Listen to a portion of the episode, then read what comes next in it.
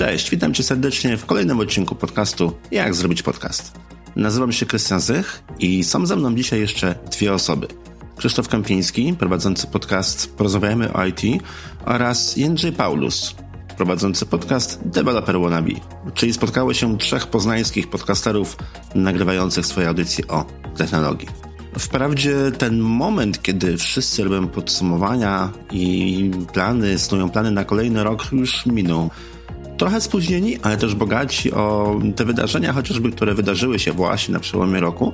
Chcielibyśmy przedstawić Wam naszą wizję tego, co dzieje się w podcastingu i tego, co będzie się działo w podcastingu w 2020 roku. Jesteśmy bardzo ciekawi, jakie są Wasze opinie na ten temat. Co Wy myślicie o tym, co wydarzy się w podcastingu w tym roku? Zapraszamy serdecznie do komentowania i miłego słuchania.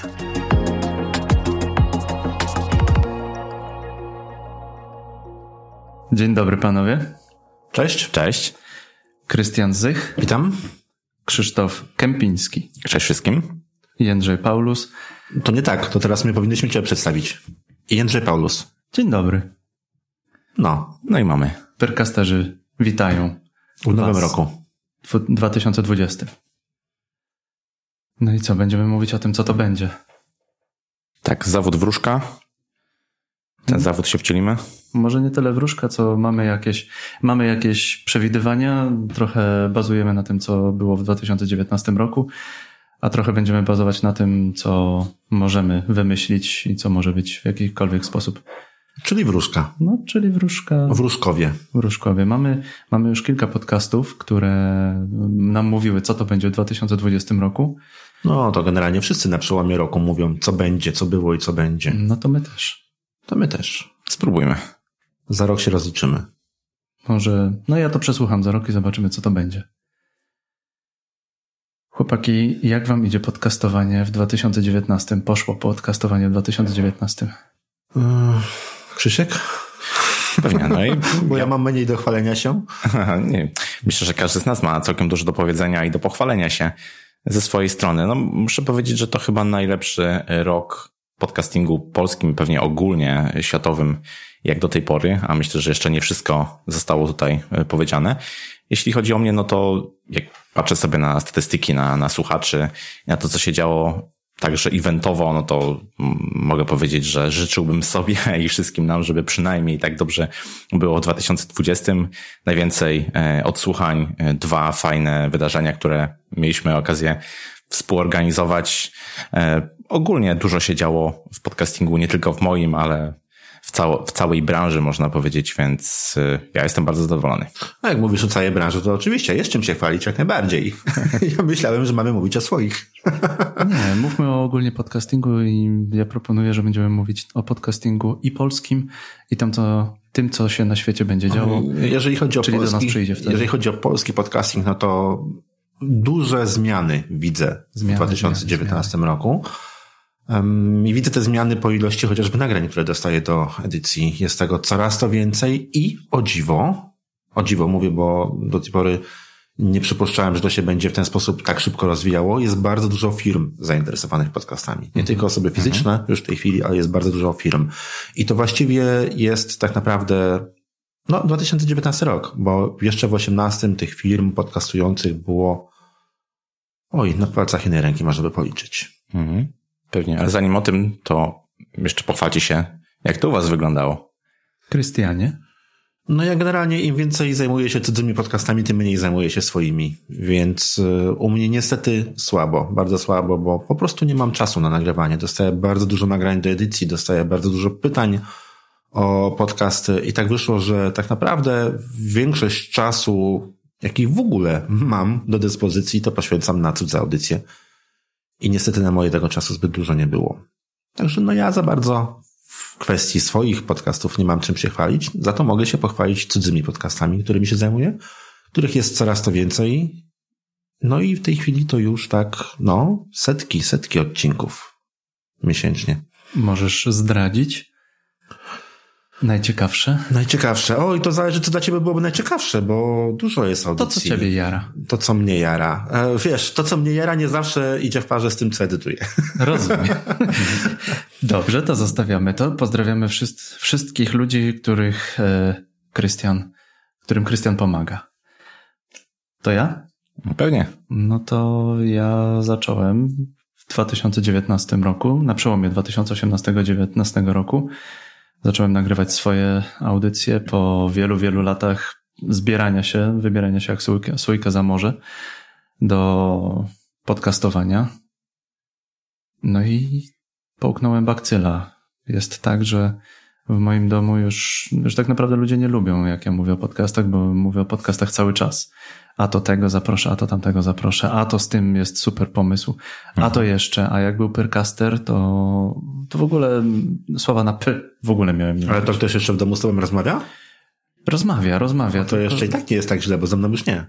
U mnie był problem, bo u mnie był problem, bo e, w którymś momencie było tak, że jak wracałem z, e, z nagrania, to niektórzy w domu twierdzili, że dalej e, robię to nagranie, że kontynuuję nagranie, że mam podobny głos, jak mówię do mikrofonu, że podobnie wibruje mi głos i jeszcze zadaję dokładne pytania typu a herbatę z cukrem czy bez?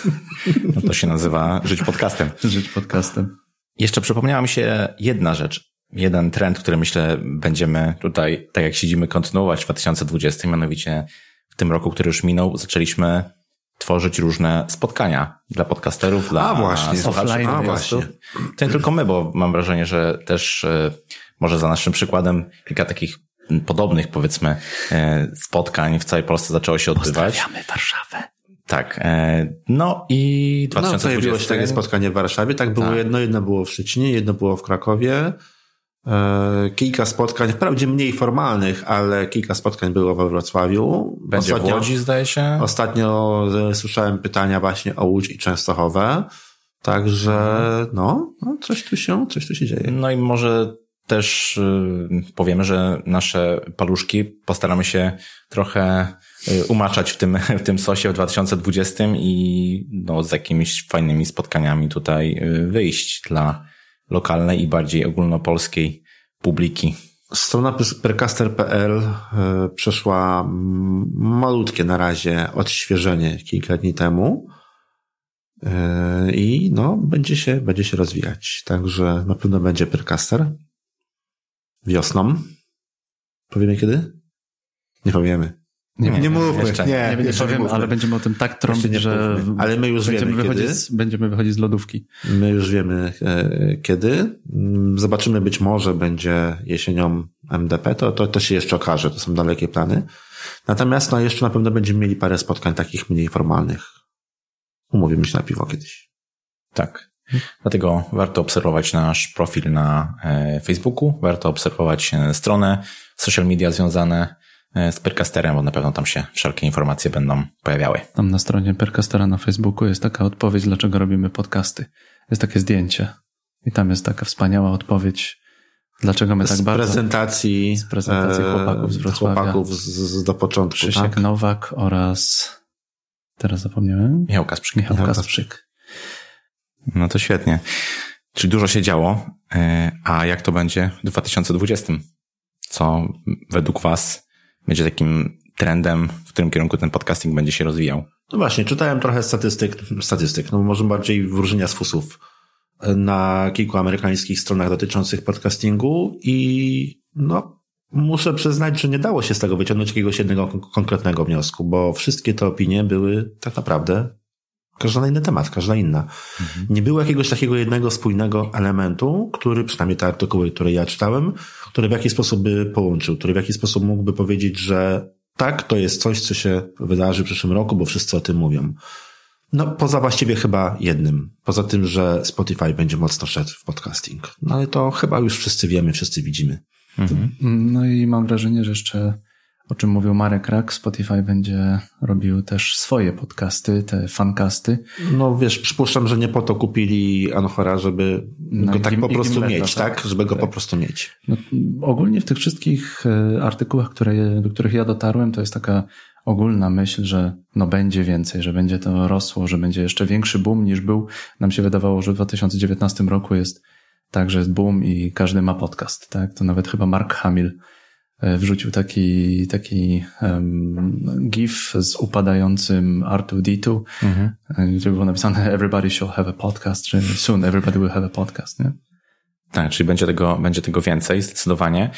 E, ale to nie tylko Spotify jako firma według mnie przyczyni się do tego, no bo Google mm, to jest taki według mnie czarny koń tych mhm. zawodów, bo tak naprawdę jak sobie spojrzymy na statystyki, najczęściej mówi się, że w Europie Spotify tutaj no, rządzi podcastowo, także że przejmuje trochę rynku od innych dużych graczy, ale tak naprawdę to Google Podcast odnotowuje powiedzmy największy wzrost liczby e, użytkowników. No wiesz, bez Google nie da się już w tej chwili żyć. No właśnie. Google Podcast działa na troszkę innej zasadzie niż y, pozostałe aplikacje, bo Google Podcast działa na bazie wyników wyszukiwania w wyszukiwarce. Czyli to, co jest indeksowane, to Google Podcast wyświetla i w momencie, jeżeli on nie indeksuje w wyszukiwarce, to nie indeksuje również i w swojej aplikacji. Także no, obecność w Google'ach jest obowiązkowa dla każdego i każdy doskonale zdaje sobie sprawę z tego, że jak go nie ma w Google'ach, to po prostu nie istnieje w cyfrowym świecie. No i tutaj akurat w podcastach jest tak samo. Także Google Podcast bardzo dużo zrobił i bardzo dużo jeszcze, moim zdaniem, może zrobić. Może mała, mała dygresja na, tak pozwolę sobie. Znalazłem ostatnio aplikację, której niestety nie mogę na swoim telefonie zainstalować, bo jest ona chyba tylko na tam na te piksele Google'owe. Natomiast jest to aplikacja do robienia notatek, która mhm. automatycznie od razu robi transkrypcję i umożliwia edycję nagrań na podstawie edycji samej transkrypcji.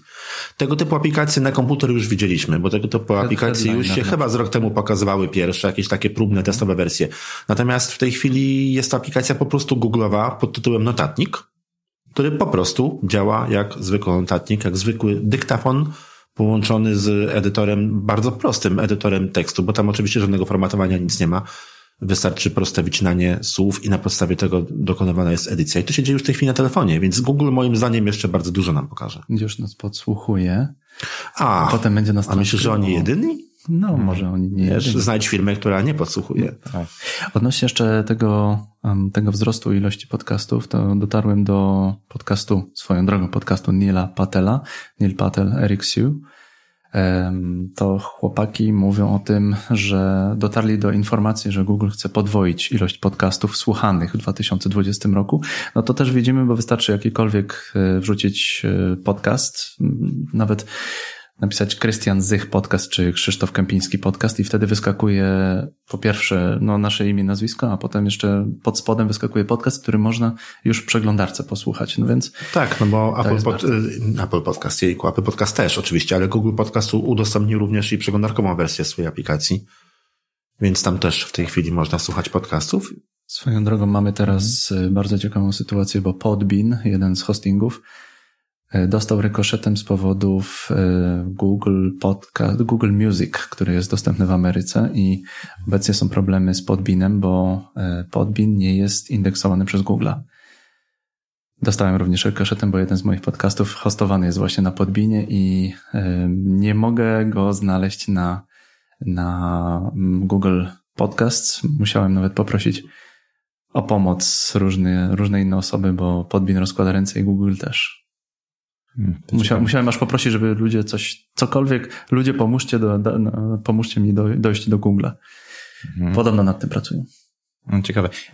Rośnie też ilość e, po prostu urządzeń z Androidem, co naturalnie hmm. wymusza większą słuchalność pochodzącą właśnie z, z Google Podcast i ja w swoich statystykach widzę rosnący trend androidowy. Mhm. Tutaj zdecydowanie spada mi e, ilość odsłuchań z, z urządzeń iOS-owych, tutaj głównie Apple Podcasts. Na pierwszym miejscu wszelkiej maści Androidy, głównie Google Podcasts. Na drugim miejscu Spotify i dopiero na trzecim e, właśnie iTunes. Apple, Czyli Apple Spotify Podcast. u Ciebie jest na drugim miejscu. Na Widzisz, drugim a są tacy, którzy mają nawet 40 parę procent hmm. słuchaczy ze Spotify'a. Hmm, hmm. Ja mam, ja mam e, bardzo duży udział Google Podcasts i iTunes z kolei, ale to jest developer wannabe. W Escola Mobile, jako że to jest tak bardziej do, dla ludzi mobilowych, to jest, e, tam rządzi iTunes. Tam niemal, niemal każdy, natomiast ogromna, więcej niż dwie trzecie przewaga iTunesów. No, to bardzo duża różnica. Bardzo ciekawe. No ja, ja zauważyłem u mnie malejący, y, malejące tendencje, jeżeli chodzi o y, właśnie Apple Podcasts, o Apple'owe no bo, tak, aplikacje. No, obecnie Bardzo mocno Android się te telefony, które mają Androida, to mają już fabrycznie wbudowane, nawet Google mm -hmm. Podcast. Tak. No. Tak, no to było bardzo duże ułatwienie dla użytkowników iPhone'ów właśnie, nie? Dzięki temu wiele osób poznało podcasty, aczkolwiek jest też i wiele osób, które nie zna podstawowych aplikacji zainstalowanych na swoim telefonie i nie wie, że ma aplikację do podcastów. Mm. A może ma drugi ekran. Mm, dokładnie. Ale właśnie to jest, to jest ciekawe, jak e, Apple tak naprawdę zareaguje na to, co się dzieje, bo zrobili pewne kroki e, z aplikacją, w ogóle z, z katalogiem mm, tak naprawdę zaniedbanym od bardzo wielu lat. Jakieś powiedzmy sobie kosmetyczne, mniej lub bardziej wizerunkowe kroki, bo tak naprawdę bardziej nie wnieśli żadnych nowych funkcjonalności. E, natomiast no, ta firma ma niesamowitą moc i no, jestem ciekawy, czy w 2020 obudzą się, zauważą powiedzmy to, że Spotify i Google mm, zawłaszcza sobie ten, ten rynek. Mam nadzieję. E, no, jest, jest, jestem ciekawy. Wiesz, wydaje mi się, że trochę muszą, ponieważ Apple traktował pod, katalog podcastów tak trochę po macoszemu. Trochę na zasadzie, że udostępniliśmy podcasty w iTunesach i ojej, jesteśmy największą bazą i co teraz tym mamy zrobić? To nie róbmy nic, może przestaniemy być największą bazą. Odnoszę wrażenie, że takie było rozumowanie, takie było podejście Apple do e, bazów podcastów w iTunesie.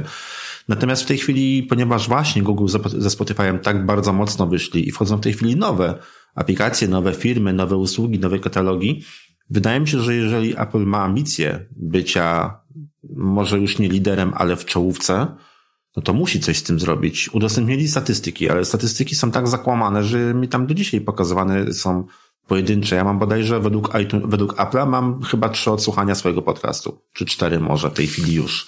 Tak. Nie wiem, bo nie sprawdzałem w ostatnich dniach statystyk. Krzyśku, ile tak. razy słuchałeś? No, także, także no to, to generalnie przypuszczam, że to mój test po prostu na tablecie, tak? Bo pożyczyłem iPada no, i... Tak, babcia i kod jeszcze. No. E, wiadomo, znaczy te statystyki oczywiście no, nie są jakoś tam realne. Myślę, że to, co obserwujemy też w rankingach jest, jest totalnie losowe i o ile kiedyś mówiło się, że jeśli nie macie powiedzmy w iTunesie to tak naprawdę nie macie w świecie podcastowym, o tyle, co, o tyle teraz i mam wrażenie, że w 2020 coraz bardziej nie będzie to już do końca e, prawda. Nie iTunes, tylko Spotify i Google. Dokładnie. Bardzo ale... mi się podoba mm -hmm. ten, ten trend, że że jest więcej, bo mhm. jeżeli my jako słuchacze, jeżeli mamy do wyboru trzy aplikacje, no to te aplikacje będą walczyć o naszą uwagę. Wtedy. Oczywiście, konkurencja oczywiście. Ja też tak uważam, że no chyba, że konkurencja będzie polegała na podkupywaniu klientów i kopaniu dołków pod wszystkimi w koło.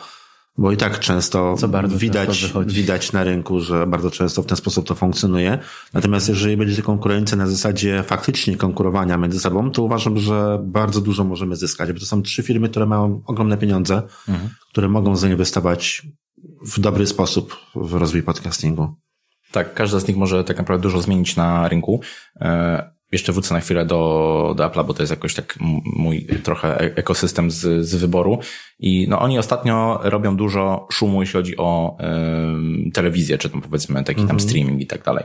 Inwestują też w swoje produkcje. Jestem ciekaw, czy w 2020 zrobią podobny ruch z podcastami, w sensie własne jakieś tam produkcje. To mogłoby dużo y, zamieszać ale myślę, że muszą się też obudzić, jeśli chodzi o dodawanie, powiedzmy, podcastów i ten proces no w tej chwili po pierwsze trochę trwa, po drugie nie jest, jest zautomatyzowany. Bo jak sobie weźmiecie na przykład Ankorna, prawda? Coraz częściej, coraz więcej podcastów y, za pomocą tej platformy jest tworzonych. To samo robi. Tam dokładnie. Tam nie potrzeba nic robić, żeby się zgłosić do Spotify'a czy, czy, czy Google Podcasts. Natomiast no ciągle iTunes czy tam Apple Podcasts, no. no dobrze, ale zobacz jak prymitywnie prosta jest procedura dodania podcastu do Spotify'a, tak? Mhm. Wpisujesz RSS, wybierasz kategorię, tak. Potwierdzasz maila tylko tak naprawdę. No maila trzeba potwierdzić i to akurat rozumiem, że to jest słuszne. Mhm. E, no i to jest największy problem, to jest w tym momencie otwarcie skrzynki pocztowej i sprawdzenie maila, kliknięcie w link. I mhm. dosłownie po trzech mhm. minutach ten podcast już tam jest, tak?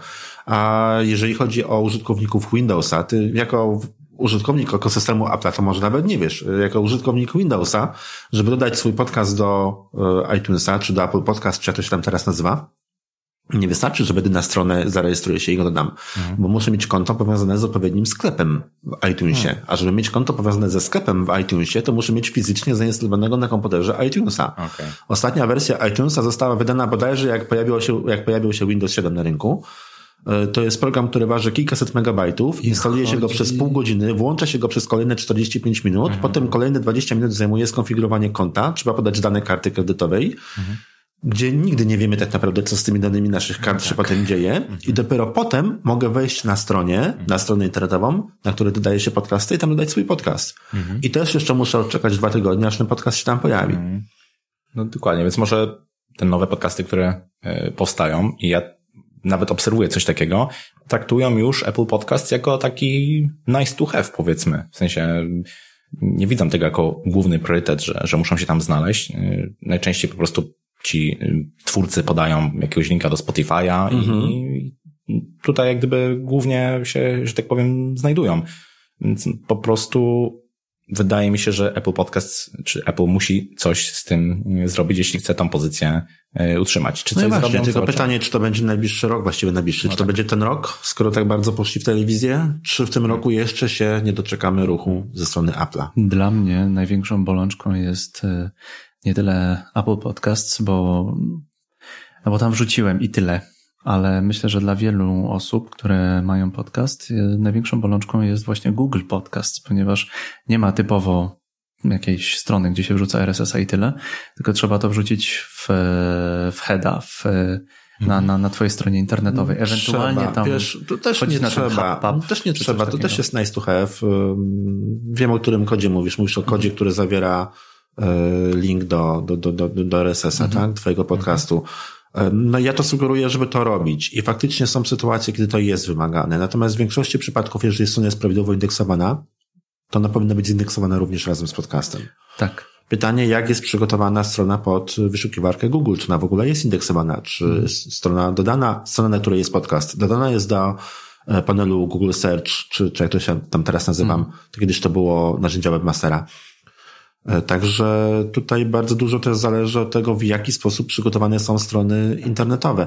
Natomiast mimo wszystko jednak procedura uważam jest dużo prostsza i krótsza o kilka godzin niż procedura Apple'a. Mhm. I wszystko to powoduje, że coraz więcej podcastów się. E, Bo jeżeli strona internetowa jest prawidłowo indeksowana, tak naprawdę wystarczy wrzucić podcast, poczekać 3-4 dni i on jest. Jeżeli strona, zakładam, że strona jest prawidłowo indeksowana w Google, tak? No bo Tutaj y, nie, nie mówimy o RSS-ach, tylko o y, bazowaniu na wynikach No z drugiej strony hostingi też to potrafią ułatwić, żeby, żeby tak. to szybko się zaindeksowało. W, tak, no, w większości przypadków mamy guzik dodaj do Google tak. Podcast albo poczekaj parę dni, dodaliśmy twój podcast, zaraz się pojawi. Dokładnie. To samo ze Spotify'em.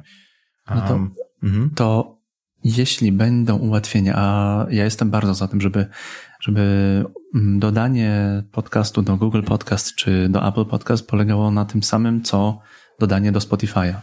RSS, pstryk, jestem. Byłoby miło, gdyby tak było. I wtedy ułatwi się dostęp do większej ilości podcastów. Większej ilość podcastów prawdopodobnie spowoduje dużą ilość wartościowych podcastów. I teraz pytanie, czy zniknie reguła siedmiu podcastów? Czy jestem podcasterem po siedmiu podcastach? Mm. No tak, ta reguła według mnie zawsze była trochę wydumana, e, zwłaszcza, że powstają podcasty, które są powiedzmy przewidziane na ileś tam odcinków, na jakąś tam tak, serię. I, tak, i opowieści z dykty były liczne na 10 odcinków i nigdy dokładnie. żadnego więcej nie będzie, tak? Mhm. Dokładnie, dokładnie. Natomiast... Pierwszy sezon Śledztwa Pisma miał ile? Sześć odcinków? Więcej nie będzie. Bo on tak jest wyliczony, jest tak zrobiony. Mhm. Dopiero kolejny tak. sezon pojawi się. To ja myślę, ja myślę o podcaście typu Krystian Zych podcast, czy Krzysztof Kępiński podcast. Wiesz, mi się wydaje, że w ogóle też się zgadzam z Krzyśkiem, ta reguła jest trochę naciągana, aczkolwiek w, mieliśmy ostatnio okazję poczytania trochę statystyk różnego hmm. rodzaju na temat tego, ile mamy podcastów i jakie są to podcasty. No już pomijam to, że e, w Ameryce na czy w Ameryce, w skali światowej w iTunesie mamy 800 tysięcy podcastów, bo aktywnych jest w okolicach 320-330 tysięcy, więc mamy pół miliona śmieci i, i, i grobów zupełnie pustych. Natomiast w Polsce mamy około 2000 podcastów, mhm. z czego połowa, równiutko połowa, około tysiąca ma jeden odcinek. Ja myślę, że ta tendencja będzie rosła. Tak, tak, ta tendencja będzie rosła, bo coraz prościej jest taki podcast wypuścić e, w świat, natomiast e, no, brakuje później determinacji i tak, niestety no, to się kończy. W bardzo podobnym czasie, bo właściwie w ciągu w odległości chyba dwóch dni od siebie puściliśmy razem z Markiem Rakiem właśnie statystyki, gdzie ja nie uwzględniałem w ogóle odcinków jedno, podcastów jednoodcinkowych. Nie nazwałem tego podcastami po prostu, mhm. bo zapowiedź, że będę coś nagrywał dla mnie jeszcze nie jest podcastem.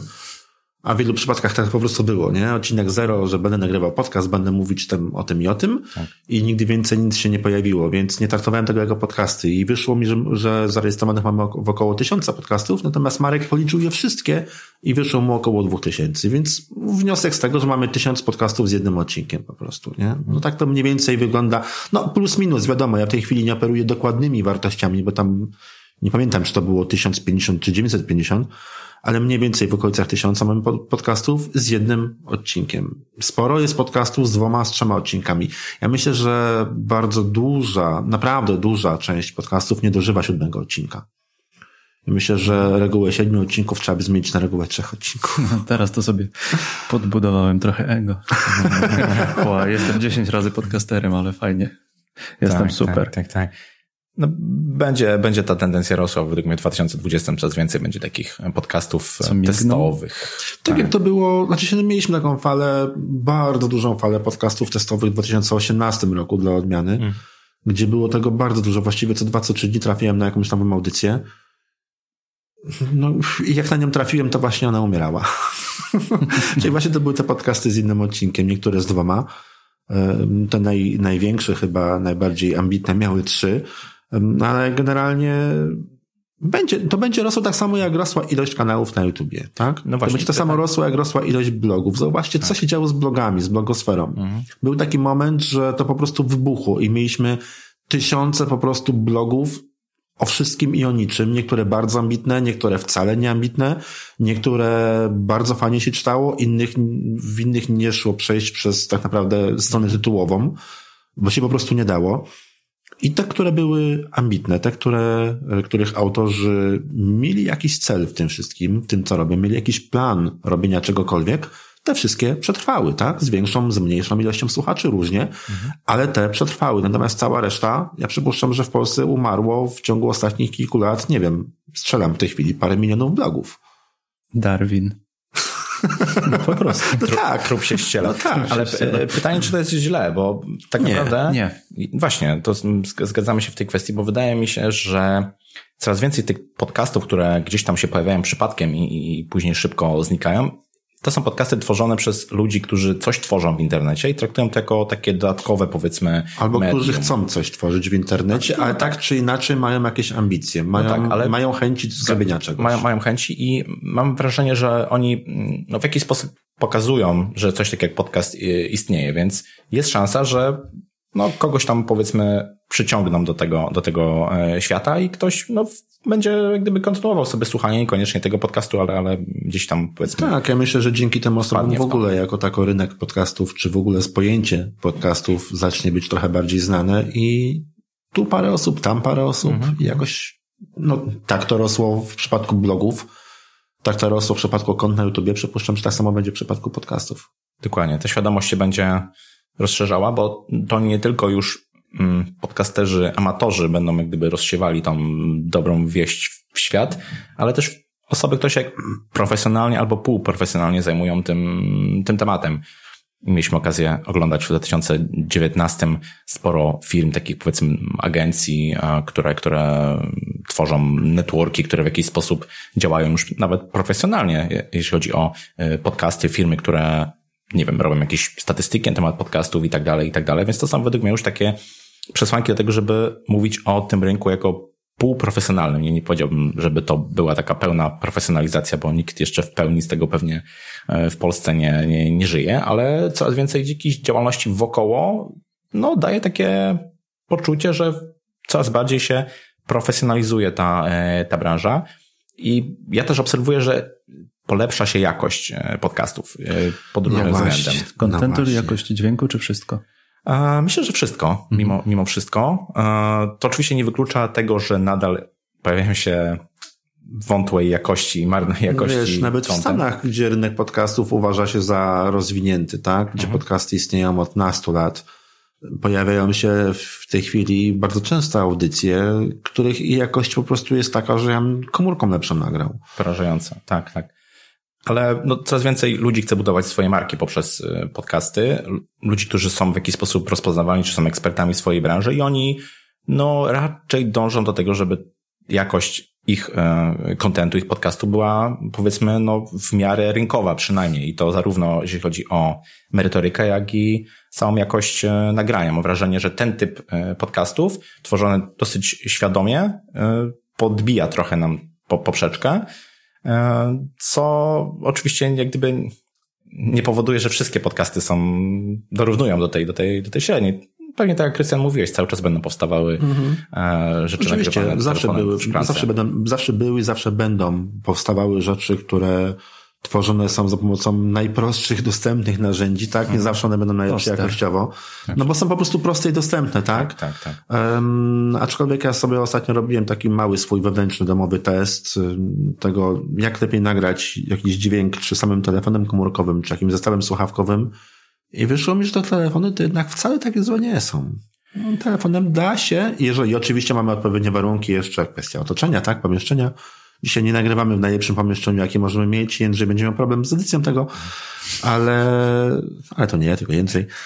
Ale generalnie, no, sprzęt też jest coraz to lepszy już w tej chwili mhm. i ten dobry sprzęt jest coraz to tańszy. Ja sobie na dzisiaj zamówiłem mikrofony Rodem 3 i mamy mikrofony Rodem 3, proszę bardzo. Mówisz masz. Jak już nas będą transkrybować, to Rodem 3 bardzo was pozdrawiamy, poprosimy o jeszcze. Tak, jeszcze trzy. Jeszcze trzy, trzy dla Krystiana i trzy dla Krzysztofa. Tak jest. Mówimy o biznesie, przechodzimy do biznesu, bo tutaj zahaczyłeś Krzyśku mhm. o biznes, o no to firmy, firmy, albo firmy robią swoje podcasty, albo szefowie firm robią podcasty, Podcast jest sposobem na markę osobistą. Mm, Pat Flynn, jeden z moich ulubionych podcasterów, uważa, że jednak podcast nie jest tylko do życia, bo nie wyżyjesz z podcastu, ale podcast jest jakby podstawą do robienia twojego biznesu, że coś podcastem jakbyś uwiarygadniał swoją, swoją, e, swoją markę, swoją firmę. Mhm. Jeśli mówimy o takich biznesowych zastosowaniach, to widzę tak naprawdę trzy na 2020. To jest de facto kontynuacja tego, co jest w 2019, bo nie sądzę, żeby coś super nowego tutaj się pojawiło. Natomiast na pewno będą to podcasty firmowe, mhm. tak jak ty, Jędrzej, na przykład e, tworzysz dla, dla Escola, czyli robione jak gdyby bądź na zamówienie, bądź też wewnętrznie. I coraz więcej takich jest, tworzone przez całkiem spore firmy typu Deloitte, dajmy mm. na to. No podcasty Deloitte to już od dawna są, tak, są na tak, rynku. Tak, tak, tak, tak. I, I, myślę, że myślę, że to nadal będzie, jak gdyby miało miejsce, nadal się będzie wydarzało. Druga kwestia to jest marka osobista, e, budowanie marki osobistej. To będzie zdecydowanie mocny trend. Mocno to wybuchło w 2019, zwłaszcza w drugiej mm, połowie. Myślę, że, że sporo ludzi zauważy tutaj potencjał podcastów na e, korzyść podcastów versus blogi, które mm, no powiedzmy trochę już się przejadły. E, no i jeszcze jest kwestia sponsoringu, reklam i, i, i tej formy, która też według mnie, zwłaszcza przynajmniej z tego, co ja widzę, różne zapytania, które dostaję, też zaczyna coraz mocniej być zauważana. Ta świadomość podcastu jako kanału e, dotarcia do świadomej może bardziej zamożnej grupy odbiorców wśród marketerów e, rośnie. Myślę, że będą chcieli wykorzystać e, właśnie te kanały, te podcasty po to, żeby po prostu reklamować produkty czy usługi, czy zwiększać jakąś świadomość e, marek. Myślę, że tym nam bardzo mocno korporacje pomogą. Nam wszystkim podcasterom. W jaki sposób? W taki sposób, że zauważcie, jakie firmy weszły na rynek podcastów w tym roku. W tym roku, czy w ogóle w ostatnim czasie to mamy RMFFM, dużą mhm. firmę, tak? Mhm. Dużą, znaną firmę, znaną markę, która również i współpracuje z wieloma agencjami reklamowymi. Kolejną firmą mamy, kolejną, kolejną firmą e, jest Onet. Mhm. Kolejną firmą jest Rzeczpospolita. Kolejną Gazeta firmą, Polska. Gazeta Polska, tak, tak no. także Gazeta Polska. Mhm. E, Gazeta Prawna. To się nazywa chyba Dziennik Gazeta Prawna w tej chwili, tak, tak formalnie. Od zawsze mamy TOK FM. Tak? E, od zawsze mamy TOK FM, ale Agora w tej chwili mam przyjemność współpracować z Agorą przy puszczaniu, przy publikowaniu większej ilości podcastów, które będą dostępne za free totalnie. Także pojawił się, pojawił się pierwszy, pierwsza audycja pojawiła się wyborczej 8.10, natomiast tych audycji będzie jeszcze całkiem sporo. Nie mogę niestety zdradzić szczegółów wszystkiego, ale będzie sporo naprawdę e, fajnych audycji jeszcze od Agory w tym roku. No i szykują się kolejne firmy, ale też nie tylko firmy medialne, nie tylko firmy, które znane są już z tego, że tworzą treści, ale też firmy, które po prostu są duże, są znane, jak chociażby lasy państwowe szykują się, żeby uruchomić swój własny podcast. Jeszcze oficjalnie o tym się nie mówi, ale być może niedługo będziemy mieli. E, WWF wypuścił swój, czy wypuścił już, czy lada moment wypuści swój podcast Y, to są firmy, które są znane, to są firmy, które może nie spowodują zmiany, jeżeli chodzi o reklamy, o promocję w podcastingu, natomiast na pewno pomogą dotrzeć do osób, które o tym decydują, tak? O budżetach reklamowych. Mhm. Czyli everybody will have a podcast soon. Tak. Mhm. Coś w tym jest. Ale czy to, jest. czy to spowoduje według Was, że te podcasty będą coraz bardziej niszowe? Y, prawdopodobnie ja, ja, ja się tutaj zgadzam z Markiem Rakiem. Pozdro Marku jeśli nas słuchasz, to Marek w swoim podcaście Co to będzie w 2020 mhm. E, twierdził, że będzie tam taka no, coraz większa specjalizacja, bo podcasty o wszystkim i o niczym nie będą sprawiały, nie będą dawały tej radości, nie będą dawały tych efektów, co podcasty o konkretnym języku programowania, o konkretnym, nie wiem, o łowieniu konkretnych ryb na muchę. No właśnie, bo to też widać w różnych statystykach, że coraz bardziej ludzie chcą takich utylitarnych podcastów, które coś im po prostu dają e, i jak gdyby wykorzystują to jako, nie wiem, no, źródło informacji, źródło wiedzy i tak dalej. To chociażby widać po skracającej się, mm, po tendencji do skracania się e, odcinka, tak? Do tego, że te odcinki mm, jak gdyby muszą dostarczać pewną wartość, nie mogą być takie przegadane. Mm, I, i to, co powiedziałeś Andrzej, że to może właśnie być oznaką, że musimy tworzyć te podcasty bardziej niszowe, bardziej konkretne, po to, żeby e, na tym rynku, który będzie coraz bardziej e, konkurencyjny, z naszym podcastem się po prostu przebić. Znaczy, nie mam dostępu do statystyk e, portali internetowych, natomiast wydaje mi się, to jest tylko moja obserwacja, być może się mylę, muszę to od razu zaznaczyć, wydaje mi się, że ogólnotematyczne serwisy internetowe tracą y, widzów, słuchaczy, czytelników na rzecz y, takich bardziej branżowych, bardziej specjalistycznych. Mhm. Przynajmniej widzę to, obserwuję to czy po sobie, czy po osobach, z którymi rozmawiam na temat tego, co przeglądają w internecie. Coraz to mniej osób, ze znanych przynajmniej mi osób, z którymi miałem okazję rozmawiać, zagląda na serwisy ogólnotematyczne. Jeżeli ktoś szuka wiadomości, to wchodzi na konkretną stronę z wiadomościami. Mhm. Jeżeli ktoś szuka informacji o technologiach, to wchodzi na konkretną stronę technologiczną. Jeżeli ktoś interesuje się modą, to wchodzi na konkretną stronę modową. Coraz to mniej osób tak, mówi o tak. tym, że szuka na jednym portalu totalnie wszystkiego. To to jest, to jest tendencja do, tendencja tych dosyć dużych firm, które pracują w informacji, które czerpią zyski z informacji. Ja mam na myśli e, gazety i, e, i telewizję. No, wspomniałeś już o Onet na przykład, Onet podcasty, ale mhm. mm. to, to, to, do czego dążę, to jest na przykład aplikacja wyborczej, aplikacja gazety wyborczej, czyli e, mamy podcasting, który jest niezwykle silnie związany też z mobilem. No i Gazeta Wyborcza wypuściła swoją, swoją aplikację to już nie wchodzisz na stronę mgazeta, mhm. tylko po prostu klikasz aplikację. E, subskrypcja jest niewiele, kosztuje niewiele, możesz bez problemu przeczytać, gazet, przeczytać gazetę wyborczą dokładnie w swojej komórce, nawet bez otwierania Chroma. Mhm. Tak, wspomniałeś Andrzej o subskrypcjach, czyli o jakimś płatnym kontencie, płatnych podcastach, różnych paywallach i tak dalej. To tu Chiny. Też się wydaje jakimś trendem na 2020, jeżeli chodzi o podcasting.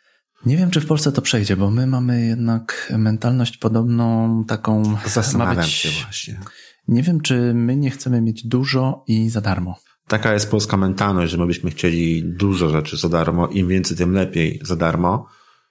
Pamiętam czasy, kiedy aplikacje na telefon komórkowy, które kosztowały 90 centów, Polacy krakowali i poświęcali na to tygodnie, żeby złamać zabezpieczenia programu, bo 90 mhm. centów kosztował to. Przecież trzeba złamać zabezpieczenia, bo to bardzo drogo. Więc my chcielibyśmy wszystko mieć najlepiej za darmo, a jeżeli nie da się za darmo, to przynajmniej tanio. A generalnie w ogóle przyjęło się, że w internecie to wszystko powinno być za darmo. Więc ja mam mieszane uczucia, jeżeli chodzi o subskrypcje w przypadku mhm. podcastów. Miałem takiego klienta w zeszłym roku, który w sumie nie zdecydował się na publikację podcastów, bo chciał uruchomić właśnie podcasty za paywallem. Mhm. Z tym, że chciałby startować z totalnie nową marką, stworzyć markę zupełnie od zera i miały to być audycje od samego początku budowane za paywallem. No i przyznam, że był problem nie tylko z tym, jak to zorganizować, jeżeli chodzi o promocję, jeżeli chodzi o docieranie do nowych słuchaczy, jeżeli chodzi o jakieś odcinki testowe, tak, czy jakieś, jakieś materiały, które musiały być dostępne za darmo, ale w ogóle strony technicznej. Okazało się, że platformy podcastowe, platformy hostingowe nie są gotowe na płatne podcasty. Nawet musimy... te amerykańskie. I w sumie chyba siedmiu czy z ośmiu firm, z którymi, z którymi rozmawiałem, w jednej powiedziano mi, tak, mamy to. W drugiej powiedziano mi, nie mamy tego, ale można to zrobić obchodząc pewne elementy i w sumie efekt końcowy byłby taki, jakiego byśmy oczekiwali. To były dwie zaledwie firmy. No tych firm mamy trochę podcastowych na rynku, tak? I to były zaledwie dwie, w których można było mówić o płatnych, mhm. po, w których można było za, w ogóle zrobić coś z płatnymi podcastami. A czy nasz człowiek w Berlinie, Mateusz Sujka, czy on, Podigi, czy jego Podigi nie ma, Podigi nie ma takiej chyba możliwości? ma w tej chwili taką możliwość. Z tego co pamiętam, to chyba tak, chyba ma taką możliwość tak. E, opłacenia subskrypcji, natomiast tak naprawdę w większości przypadków, ale zresztą spójrzmy też na podcasty. Ile jest podcastów, które są płatnymi podcastami? No, w Polsce nie znam. No też nie. No właśnie. Na rynku amerykańskim teraz miało się zastanowić nad anglojęzycznymi podcastami, to miałbym problem, bo jest naprawdę bardzo mało. Większość jednak korzysta z innego sposobu zarabiania pieniędzy. Nie z... Patreony, czyli nasz patron. Patreony, tak, czy nasz Patronite, yy, tym podobne rzeczy, czy, czy po prostu oferowanie jakichś usług za pośrednictwem podcastu, tak, czy tak. wykorzystywanie podcastu po prostu jako kanał dystrybucji treści również i, i, i handlowych, i marketingowych do klientów.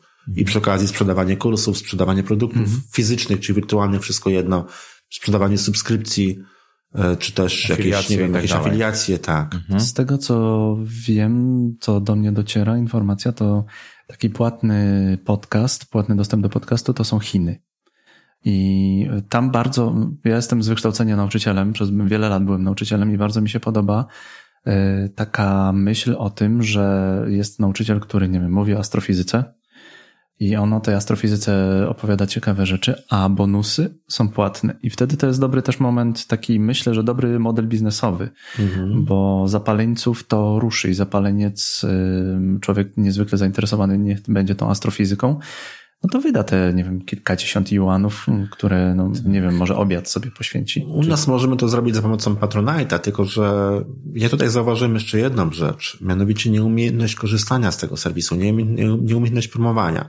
Te osoby, które korzystają z Patronite'a, nie wiem czy wszystkie, bo też nie analizowałem tego rynku, to jest po prostu mój wniosek na podstawie jakichś tam luźnych obserwacji. E, te osoby, które korzystają z Patronite'a, bardzo często promują ten serwis na takiej zasadzie. Lubisz mnie, wspomóż mnie. Tak. Mhm. Nie mówią o tym, że jeżeli zainteresował Cię mój materiał, na przykład mój podcast, moja audycja, moje nagrania, wideo, cokolwiek innego, to tam znajdziesz dużo więcej informacji za drobną opłatą. Czyli Mi się wydaje, że trochę inne podejście mhm. do tego samego zagadnienia, nie żebranie o kasę, mhm. tylko dawanie kontentu za pieniądze, Moim zdaniem to bardzo dużo by zmieniło, jeżeli chodzi o promocję podcastów. Taka jest moja własna opinia. Z tym, że nie testowałem tego, ponieważ nie mam konta na Patronite. Jak się zmienia świadomość podcastingu? Jak się, świadomość podcastów? Jak e, my żyjemy w bańce podcast, podcasterskiej, bo jesteśmy podcasterami, tak. bo nam się wydaje, że cały świat nadaje. A no mi Google tematów nasz... poza podcastowymi to już właściwie prawie nie podpowiada. No ciężko w ogóle rozmawiać o, o, czymś innym. No. Zakwalifikowano nas już jako tak, jako już jaką, jakąś książkę czytałeś o rozwoju podcastu? Do, do jednego worka nas już wrzucili pod tytułem nic nie ruszać, nie zmieniać, bo będzie śmierdziało. No. I tam już jesteśmy. E, moje pytanie wynika z e, tego faktu, że kiedyś dostałem informację Jędrzeju, a ja tutaj nie mogę odpalić twojego podcastu, bo ja mam tylko Google Podcast, a ty uruchomiłeś na Spotify. A ty wrzuciłeś tam, nie wiem, na Twittera link do Spotify. A ja nie mam Spotify'a. I tutaj to nie chodziło o to, że człowiek jest nieogarnięty, tylko chodzi o to, że nie ma tej świadomości, że podcasty można słuchać wszędzie. Nie ma, no bo jak wrzuciłeś link do Spotify'a, nie każdy jest na tyle obletany, że tak powiem, mm. w Spotify'ach i tym podobnych serwisach, żeby wiedzieć, że taka sama treść może być dostępna gdzie indziej. Ja również nie korzystam ze Spotify'a na co dzień. Mam, ale na co dzień nie korzystam. I w momencie, jeżeli ktoś mi podsunie list, link tylko i wyłącznie do Spotify'a, to ja również z niego nie skorzystam. Mhm. Dlatego moim zdaniem tutaj, tutaj, tutaj musimy, ha, tutaj tak naprawdę to jest ciężka praca podcasterów, ciężka praca osób, którym zależy na słuchaczach, żeby dystrybuować swoje treści i żeby uświadamiać mhm. swoich słuchaczy. Z tym, że uświadamiać słuchaczy nie na zasadzie, jak to się działo do tej pory. Lajkujcie. Typu, podcasting jest to słowo wywodzące się z tego i z tego i w tym i w tym roku ten i ten powiedział kiedyś dwa słowa i z tych dwóch słów złożyli jedno, bo są iPody i są coś tam. Kogo to interesuje? W momencie, jak mówimy o Netflixie, to nikt nie zastanawia się nad genezą nazwy Netflix, czy nad biografią autora, tak? Czy dyrektora generalnego. My się podniecamy Wiedźminem. My się podniecamy Wiedźminem, a nie biografią czegoś, ko, czy kogoś tam, tak? I tak samo jak ktoś mówi o serialu w telewizji, to nie mówi skąd się wzięło słowa telewizja, czy w jaki sposób transmituje się obraz za pomocą anteny, czy fali, fal radiowych. Więc mi się wydaje, że tutaj my, jako podcasterzy, powinniśmy zmienić nasze podejście do podcastów i nie mówić skąd się wzięło słowo podcast, tylko czym ten podcast tak naprawdę jest. No I przede wszystkim, pytanie. najważniejsze, udostępnić nasz podcast słuchaczom. W momencie, jak ja nie mam linka do RSS-a, jak nie mam linka do niczego zupełnie, jest player na stronie internetowej i jest link do Spotify'a, to ja nie jestem w stanie takiego podcastu wysłuchać. Bo wystarczy nie mieć jednego konta, tak? Na Spotify'u. Mm. I to mnie tak naprawdę dyskwalifikuje jako słuchacza. To stąd y, bardzo ciekawe podejście zrobiło Chartable, który ma super uniwersalny, uniwersalny link, gdzie y, po prostu wrzucasz ten link, czy to na LinkedIna, na jakiekolwiek y, na jakiekolwiek społecznościowe media i w zależnie od tego, czy ktoś ma Apple'a, czy ma Androida, to mu tak odpala. Porządku. Krzysiek się próbuje dorwać do mikrofonu Krzyśku. od dłuższego czasu. Dawaj. tak, już się palę, żeby...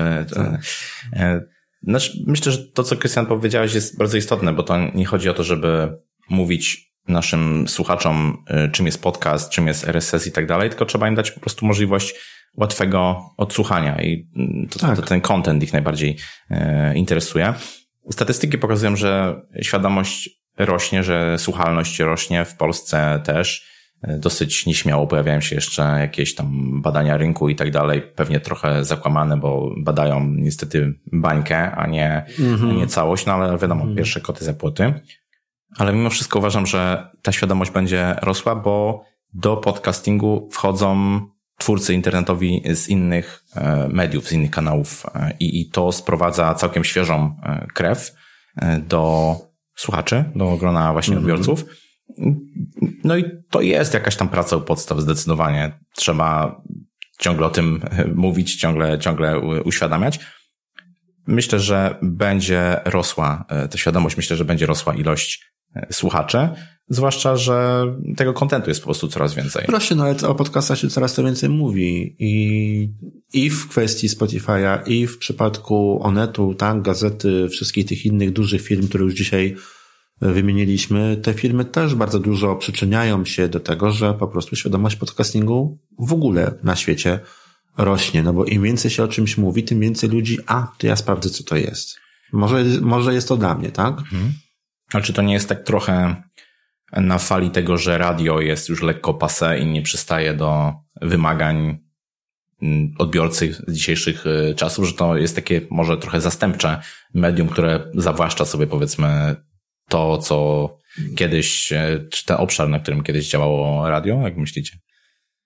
Moja myśl odnośnie podcastów jest taka, że jesteśmy chyba zmęczeni błyszczeniem, pięciosekundowymi informacjami. E, wow, mhm. super high, tutaj kup pięknie i e, tym, że na niektórych stacjach filmy to nie są filmy, tylko to są reklamy przerywane filmami. W tak, podcastach tak, jeszcze tak. tych jest reklam taka stacja nie ma. ze słoneczkiem, gdzie tak. faktycznie są reklamy przerwane co jakiś czas hamsko fragmentem filmu. Mhm. Bardzo mnie to denerwuje. Mhm. A no, z drugiej strony. Tak by się jesteśmy... chciał reklamę pogadać przez trzy godziny, nie? A tu nic, no. Tak, film ba bardzo, bardzo mnie proszki kręcą. No, no, właśnie. Na Netflixie tego nie ma. Lubimy streaming wideo, no, dlatego może podcasty to jest taki streaming trochę audio. Też bez reklam takich mocno to jest, agresywnych. rzecz, to jest rzecz, która mnie zainteresowała. Podbin e, potrafi teraz e, robić streaming taki jak jest na przykład, jak się nazywa ta, to urządzenie, ten, ten program do e, jednoczesnego nagrywania online, który mi kiedyś poleciłeś. Ojejku, myślę, że pamiętam, jak, jak komu polecałem ten, strony, urządzenia czy serwisy. Clean Feed, o tym mówię. A. E, obecnie obecnie, obecnie tak. wewnątrz, wewnątrz Podbina można, można zrobić taki, e, taki streaming, live, podcast live robić, a jak się z tego zrobi jeszcze ładne wydarzenie, to można zaprosić ludzi na, na to, żeby na przykład na fejsie ciebie posłuchali. I to, co ja zauważam technicznie, to zaczyna e, oddzielać się, z jednej strony chyba się zaczyna, zaczęło oddzielać audio od wideo, ale jest pewna tendencja do łączenia tego, tylko mm, robienia jakby najpierw audio, dopiero potem wideo. Na swoim przykładzie mogę to powiedzieć, że ja robię dosyć często podcasty live, gdzie na fejsie robię jakąś tam, jakąś e, transmisję, a jednocześnie po prostu łopatologicznie każdy nagrywa swoją, swoją stronę, po czym ja to składam do podcastu. I w tym momencie, no, to jest też część marketingu, bo marketing wideo, marketing wideo, no, zawsze będzie miał przewagę nad naszymi podcastami, no bo najpierw patrzymy, a dopiero potem słyszymy. Tak, ale też konsumujemy to w innych warunkach i w innym otoczeniu, może w Ręce inny mamy sposób. wolne wtedy. Ja sposób, generalnie tak. podcastów z reguły słucham nie będąc w domu, czyli albo gdy gdzieś idę, albo gdy gdzieś no jadę tak. na rowerze, czy gdy prowadzę samochód. W tym momencie mhm. no nie mam możliwości, że mogę na filmie wideo.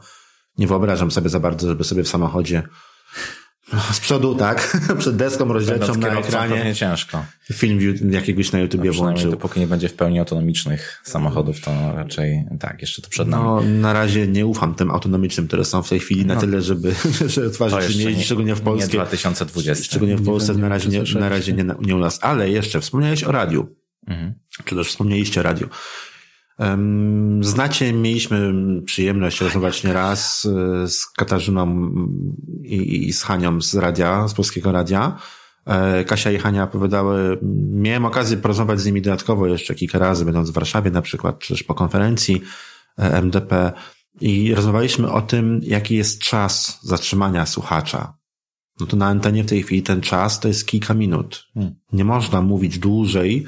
Nie pamiętam w tej chwili. Sześć chyba albo siedem minut. Mhm. I w radiu nie można mówić dłużej, bo, bo słuchacz dłużej nie wytrzymuje gadania po prostu. Dla niego dłużej to już jest totalny bełkot. Jemu trzeba włączyć muzykę albo reklamę. Mhm. E, I, I pamiętam, że obie właśnie panie były zaskoczone, że podcast potrafi zatrzymać na godzinę, na półtorej godziny, jeżeli mamy takie tylko warunki, oczywiście, żeby takich długich odcinków słuchać. Tak. A widząc po tym, jaką, e, jakie powodzenie mają odcinki chociażby Kamili Goreszewskiej, która nagrywa bardzo często nagrania półtorej godzinne i, i nagrywa i w tej chwili również będzie nagrywała podcasty dla Empik Go. Nie wiem, czy Mhm, to Czy nie wyszedłem przed szereg? już chyba wszyscy wiedzą, tak? Roku. Nie tylko ja, już chyba wszyscy tak. wiedzą. E, więc no podcast potrafi zatrzymać na długo, tak? Mi się wydaje, że to jest duża przewaga nad radiem, mhm. że nie mamy reklam i możemy się skoncentrować na kontencie przez godzinę czy przez półtorej godziny. Ja sobie nie wyobrażam słuchania radia przez dwie godziny, żeby wyłapać między piosenkami i reklamami fragmenty tego, co mają mi do powiedzenia. Bo zauważcie, no, jak są wywiady prowadzone, tak, w radiu. Mhm.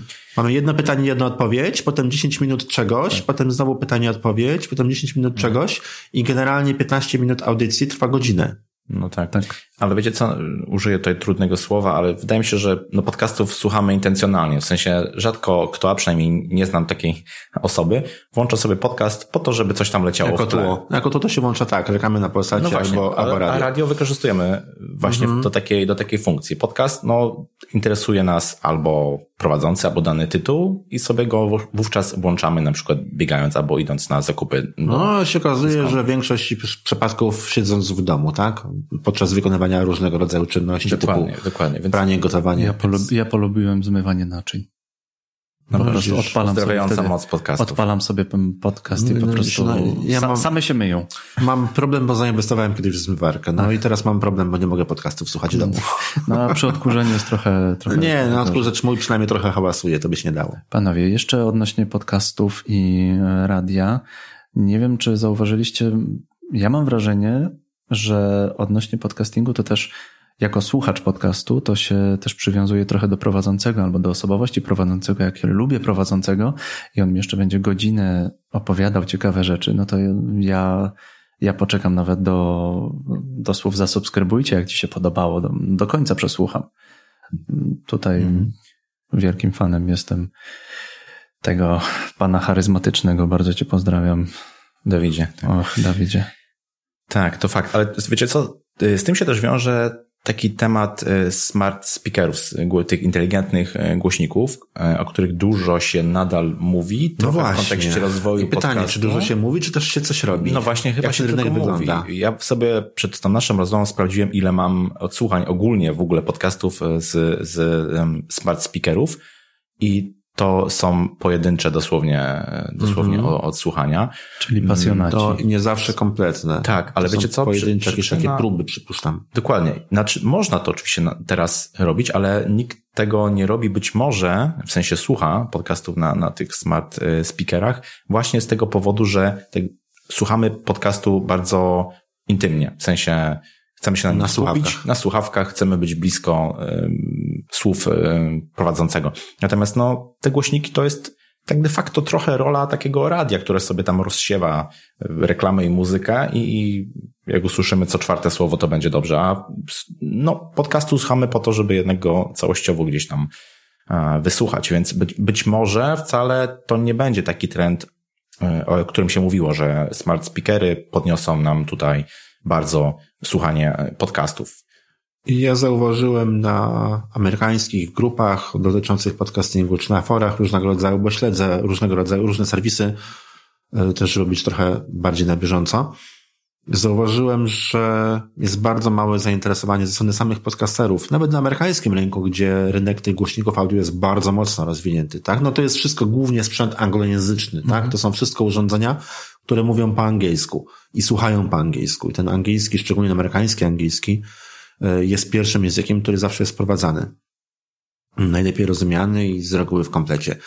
I zauważyłem bardzo małe zainteresowanie głośnikami. Mm, To bardziej na zasadzie, jak myślicie, czy warto do Alexa dodawać mój podcast, czy, czy nie? A wiesz co? Nie wiem, bo ja w sumie nie dodałem, bo tam tak jakoś tak nikt z tego nie korzysta. Także nawet tam to zainteresowanie podcastami przez głośniki jeszcze w tej chwili jest, wydaje mi się, na takiej trochę zasadzie jak u nas marketing podcastowy, czyli badamy, co kto może, ale jeszcze nic nie robimy. Na razie to jest takie wszystko testowanie rynku. Jeszcze, bo ja przypuszczam, że to się zmieni. Nawet, nawet, nawet u nas, mimo tego, że to głośniki po polsku jeszcze nie mówią, tak? Jeszcze nie słuchają. I dopiero za jakiś czas się pewnie pojawią jakieś polskie wersje. Myślę, że to się zmieni. Myślę, że będzie część osób wykorzystujących te głośniki. Tak, Również i do słuchania podcastów. No tyle tylko, że no faktycznie w zdecydowanej większości podcastów słuchamy ze słuchawkami na uszach i głośnik nam niestety, ale trochę tutaj komplikuje sprawy. Tak? No właśnie, dlatego wydaje mi się, że szybciej e, ta fala wejdzie w momencie, kiedy będziemy na naszych słuchawkach, mm, będziemy w stanie porozumieć się z takim asystentem. Asystent w telefonie, a nie asystent w głośniku. Nie głośniku, dokładnie. Okej, Google, włącz mi podcast. Ale możemy już ja- teraz to zrobić, bo wystarczy dłużej przycisnąć przycisk na, na Androidzie i powiedzieć chcę słuchać Kępińskiego, daj mi Kępińskiego. No. Albo wyszukaj Kępiński podcast i wtedy mnie to przekieruje na na przykład na Spotify. Testowałem, nie korzystam wprawdzie z tego asystenta głosowego, ale kiedyś go sobie testowałem w samochodzie, także u mnie OK Google działał również na blokadzie ekranu. Nie muszę nic wciskać. Statystyki. To jest to, co podcasterzy kochają najbardziej i tutaj mm, nawiązuję do statystyk IAB, które, których celem jest usankcjonowanie, ujednolicenie, abyśmy mogli wiedzieć, ile nas przesłuchano i abyśmy wiedzieli, czy włączenie teraz, a potem za dwa tygodnie naszego podcastu od tego samego miejsca, to to jest jedno przesłuchanie, czy dwa, czy, czy co. Mhm. No właśnie, i podobne przymiarki robił amerykański NPR, tak? czyli ichniejsze Radio publiczne. radio publiczne. I oni stworzyli swoje własne tagi, y, które są dołączone do plików MP3 i do RSS-a. Bardzo fajnie to działa. Czytałem dokumentację tego, naprawdę bardzo mi się to spodobało. Wiem, że y, też starają się o certyfikację IAB. Nie pamiętam, czy już przypadkiem nie dostali, czy jakoś tak mieli dostać na, na, na przełomie roku, właśnie, żeby wykorzystywać swoje tagi. Także, no co, no statystyki. Dzisiaj usłyszałem pytanie, kilka godzin temu usłyszałem pytanie, czy aby na pewno mój podcast pokazywany jest prawidłowo w statystykach. Bo coś mi tam nie pasuje. Mhm. I to ostatnie pytanie usłyszałem dzisiaj. Przedostatnie takie pytanie usłyszałem wczoraj i w zeszłym tygodniu usłyszałem jeszcze trzy inne, mimo że były święta i trochę wolnego. Wiele osób chce wiedzieć. I chce mieć tysiące. Chce. No nawet wiesz, nawet niekoniecznie od razu mieć tysiące, bo są osoby, które cieszą się dwustama czy, czy hmm. czasami nawet i, i stoma odsłuchaniami. E, ale, ale chcemy wiedzieć. I to jest oczywiste, że chcemy wiedzieć. Ja też chcę wiedzieć, czy moje podcasty słuchane są do końca. To, jest, dla mnie bardzo ważne. Ludzkie pragnienie, po prostu. To jest, jest dla mnie bardzo ważne. Tak. Ja, ja nie muszę wiedzieć, czy ich jest 238 czy 239 odsłuchań. Akurat takie szczegóły nie mają dla mnie znaczenia. Ja bardzo rzadko sprawdzam jakieś takie ogólne statystyki. Bardziej na zasadzie, który odcinek się cieszył większą, a który mniejszą popularnością. Natomiast istotne jest dla mnie, czy moje odcinki są słuchane do końca, czy ja przypadkiem nie zanudzam moich słuchaczy w połowie. To jest dla mnie ważna rzecz.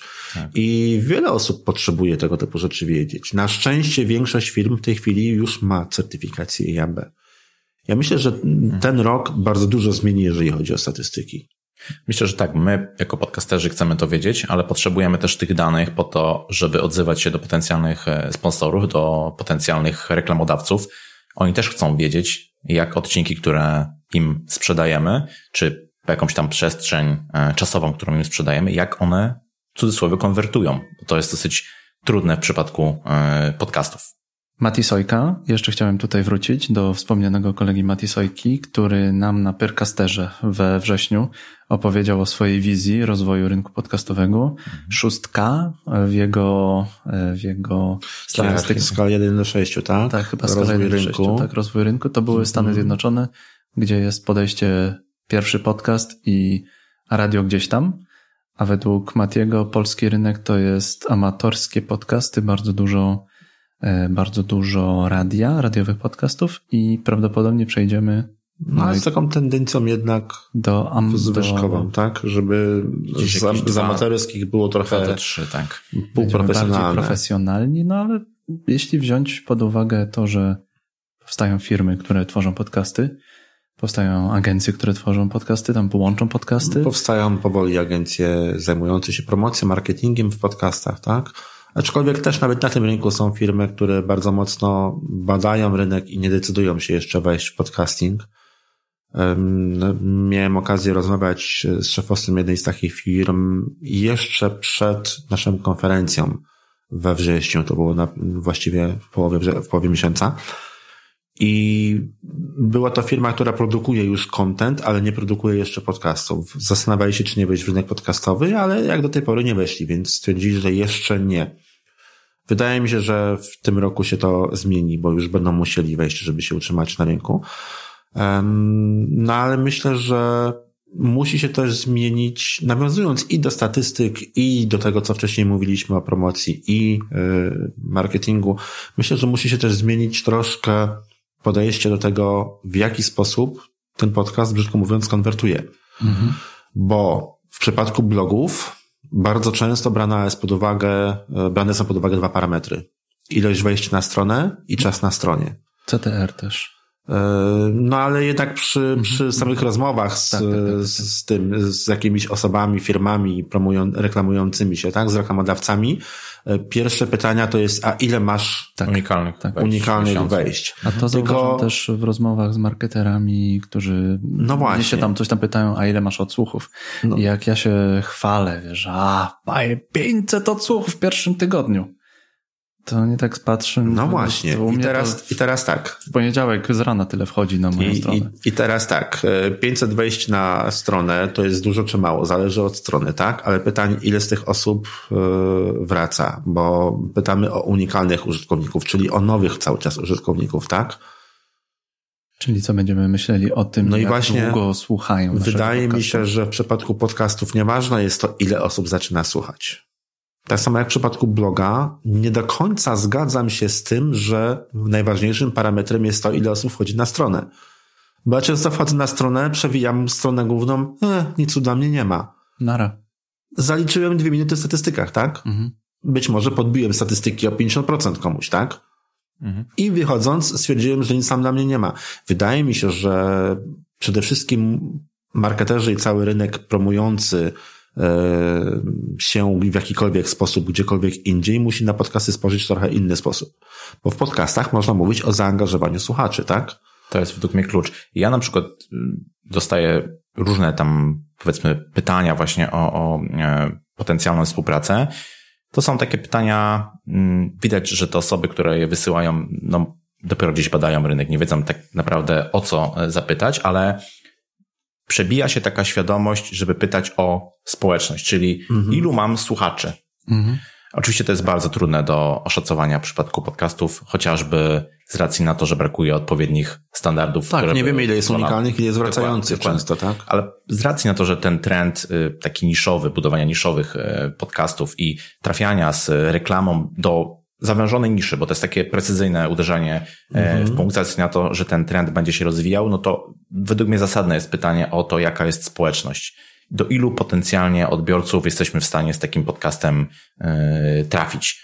I, I to jest bardziej, bardziej sensowna mm, kwestia do, do, do zapytania niż ile powiedzmy nie wiem, no mamy wejść na, na stronę, czy, czy, czy nawet ilość odsłuchań, e, bo, bo to są takie jakieś niemiarodajne, niemiarodajne rzeczy. Natomiast e, no, ważna jest też właśnie ta, ta retencja, czyli mm, w którym momencie słuchacz już się nudzi i czy jeśli rekla- reklama jest na końcu, to ilu powiedzmy słuchaczy Dosłucha do tak, reklamy, ile tak? wytrzymało. No. Jed, jedna z audycji, którą e, edytuję, którą mam przyjemność edytować, to jest audycja Cybryjada o bezpieczeństwie informatycznym. Bardzo niszowa audycja, bo osoby, które się nie interesują bezpieczeństwem IT, nie będą tam miały totalnie nic dla siebie, bo nie zrozumieją po prostu tematu. Natomiast osoby, które się interesują bezpieczeństwem IT, to jest mała garstka ludzi w Polsce tak naprawdę, tak? Osób, które mają pojęcie o tym temacie. No to dla reklamodawcy to jest moim zdaniem złoto, po prostu złoto. Pewnie 90% No bo gdzie lepiej? tak? Gdzie lepiej trafić? Znaczy, no akurat ten podcast to jest y, nowa audycja. Cybryjada w tej chwili ma chyba cztery odcinki, czy pięć odcinków opublikowanych. Nie ma tego dużo i nie ma też dużo słuchaczy. Nie wiem, czy mogę mówić ile, nie, niewiele w każdym razie słuchaczy jeszcze w tej chwili, no z racji tego, że to jest nowa audycja, tak, która się dopiero co pojawiła, no i bardzo niszowa. Natomiast w momencie, gdybym ja był reklamodawcą, mm, to bym się mocno zastanowił, czy lepiej wydać dużo pieniędzy na na przykład Onecie i strzelać w ciemno, a nóż gdzieś tam między milionem innych osób trafi się osoba, która mnie interesuje, czy porozmawiać z podcasterem, który ma nie wiem, powiedzmy 500 słuchaczy, ale z tych 500, 495 to jest mój target. I tak. To jest to, co mnie tematem. interesuje, tak? To jest znacznie tańsze niż takie No oczywiście, e, e, reklamy oczywiście. rozsiewowe. Także powiedzmy. tutaj myślę, że jeżeli tu zmieni się myślenie o podcastach, jako nie o ilości jakichś tam ogólnych wejść na stronę, tylko o właśnie zaangażowaniu i o, o precyzyjnie dobranej branży, to myślę, że tutaj w tym momencie będziemy mieli po prostu boom Mhm. na reklamy w podcastach. Jak już sobie tak słodko rozmawiamy o reklamach, to przypomniały mi się jeszcze statystyki, które mówią o tym, że mm, słuchacze najczęściej nie mają problemów z tym, że w podcaście jest e, reklama. Z drugiej strony, ponieważ ufają podcasterowi, są w stanie zaakceptować tą rekomendację i faktycznie się na to, na to zdecydować. I to też, też pokazują e, badania, że, że słuchacze chętnie, powiedzmy, zakupią daną A to nie jest kazus się jednego twojego słówka, które przed chwilą powiedziałeś, no ale skończ Mhm. najpierw. Tak, tak. Także wydaje mi się, że e, no, te reklamy też mogą być bardziej skuteczne z racji na to, że em, są wypowiadane przez osoby, które em, są autorytetem w danym temacie i którzy po prostu mają jakiś tam posłuch wśród e, e, społeczności, prawda? Tak, powiedziałeś takie jedno słówko, że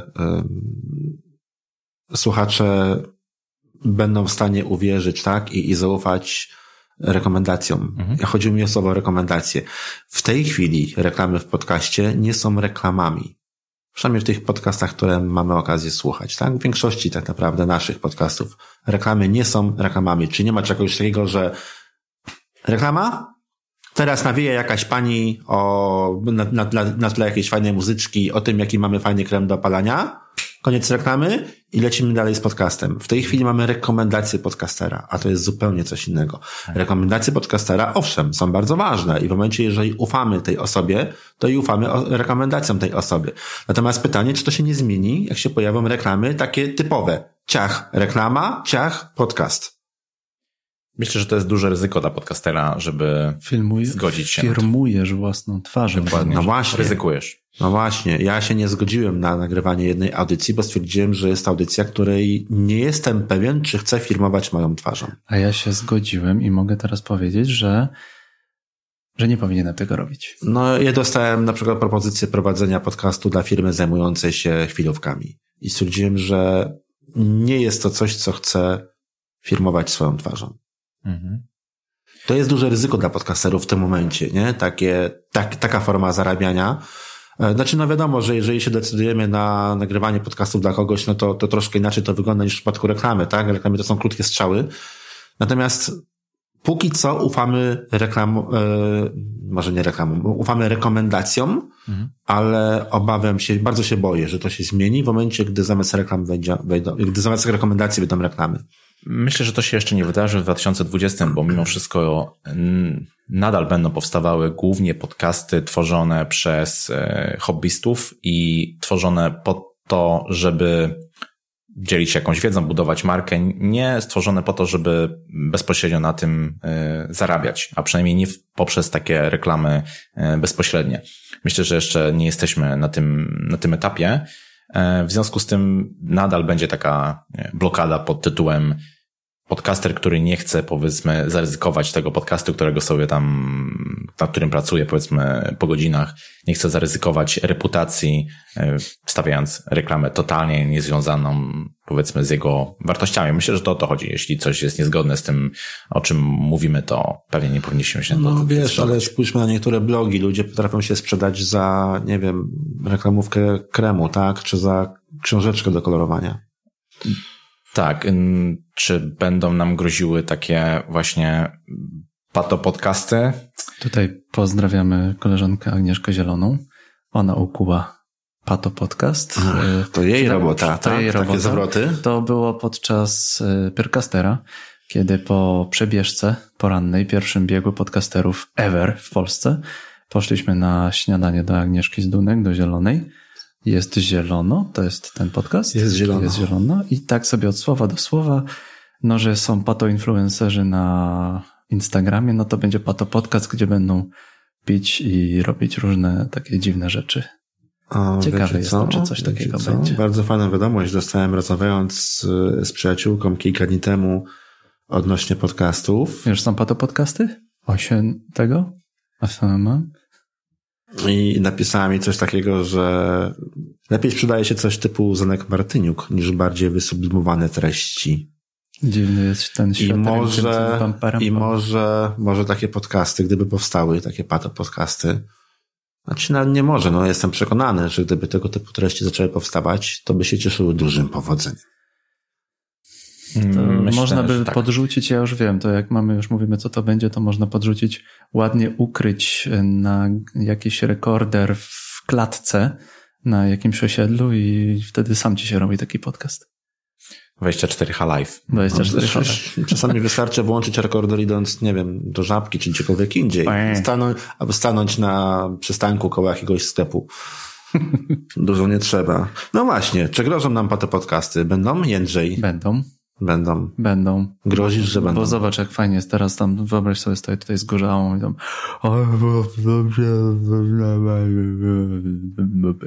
A wiecie, że w Stanach bezdomni nagrywają podcasty dla innych bezdomnych? To jest ciekawa rzecz. O? No, jest ciekawa rzecz. Aczkolwiek Być... to nie, nie ta kategoria chyba Nie ta, nie ta kategoria, nie, nie, nie, przypomniało mi się po prostu. No tak, tak. E, Bezdomność nie zawsze jest patologią. Nie, nie, nie, oczywiście, zdecydowanie. Przypomniało mi się po prostu o tym, że e, Czytałem kilka dni temu właśnie też historię bezdomnego, który jest bezdomnym z własnej woli, ale nagrywa podcast dla innych bezdomnych, po hmm. prostu, żeby dzielić się swoimi doświadczeniami z bycia bezdomnym. No super, super sprawa. Znaczy, to co ja widziałem w 2019 to jest też narastająca ilość takich podcastów, dajmy to z kategorii rozrywkowej ogólnie rzecz biorąc. Myślę, że ciągle brakuje takich podcastów i no, podciągnąłbym w jakiś sposób pato podcasty pod właśnie taką rozrywkę, może dziwną i skrzywioną, ale mimo wszystko. No wiesz, rozrywka jest najpopularniejszą kategorią, jeżeli chodzi o wyszukiwanie podcastów. I to się słucha i myślę, że prędzej czy później, nie wiem czy w 2020, ale myślę, że pojawią się mimo wszystko pato podcasty, bo no, przyroda nie cierpi próżni i na pewno to się wydarzy. A pytanie, czy były patoblogi? Hmm. Czy, czy, ja, nie, myślę, że... czy ja przegapiłem? Mi Google nie pokazały? Nie, czy... bo myślę, że to wiedzielibyśmy. Na etapie YouTube'a się dopiero gdzieś Może jakieś gnioty, wiesz, opowiadania erotyczne, ale to z kolei ten Grey z, zebrał całą pulę, a potem, a potem byli tylko epigoni marni takiego gniota.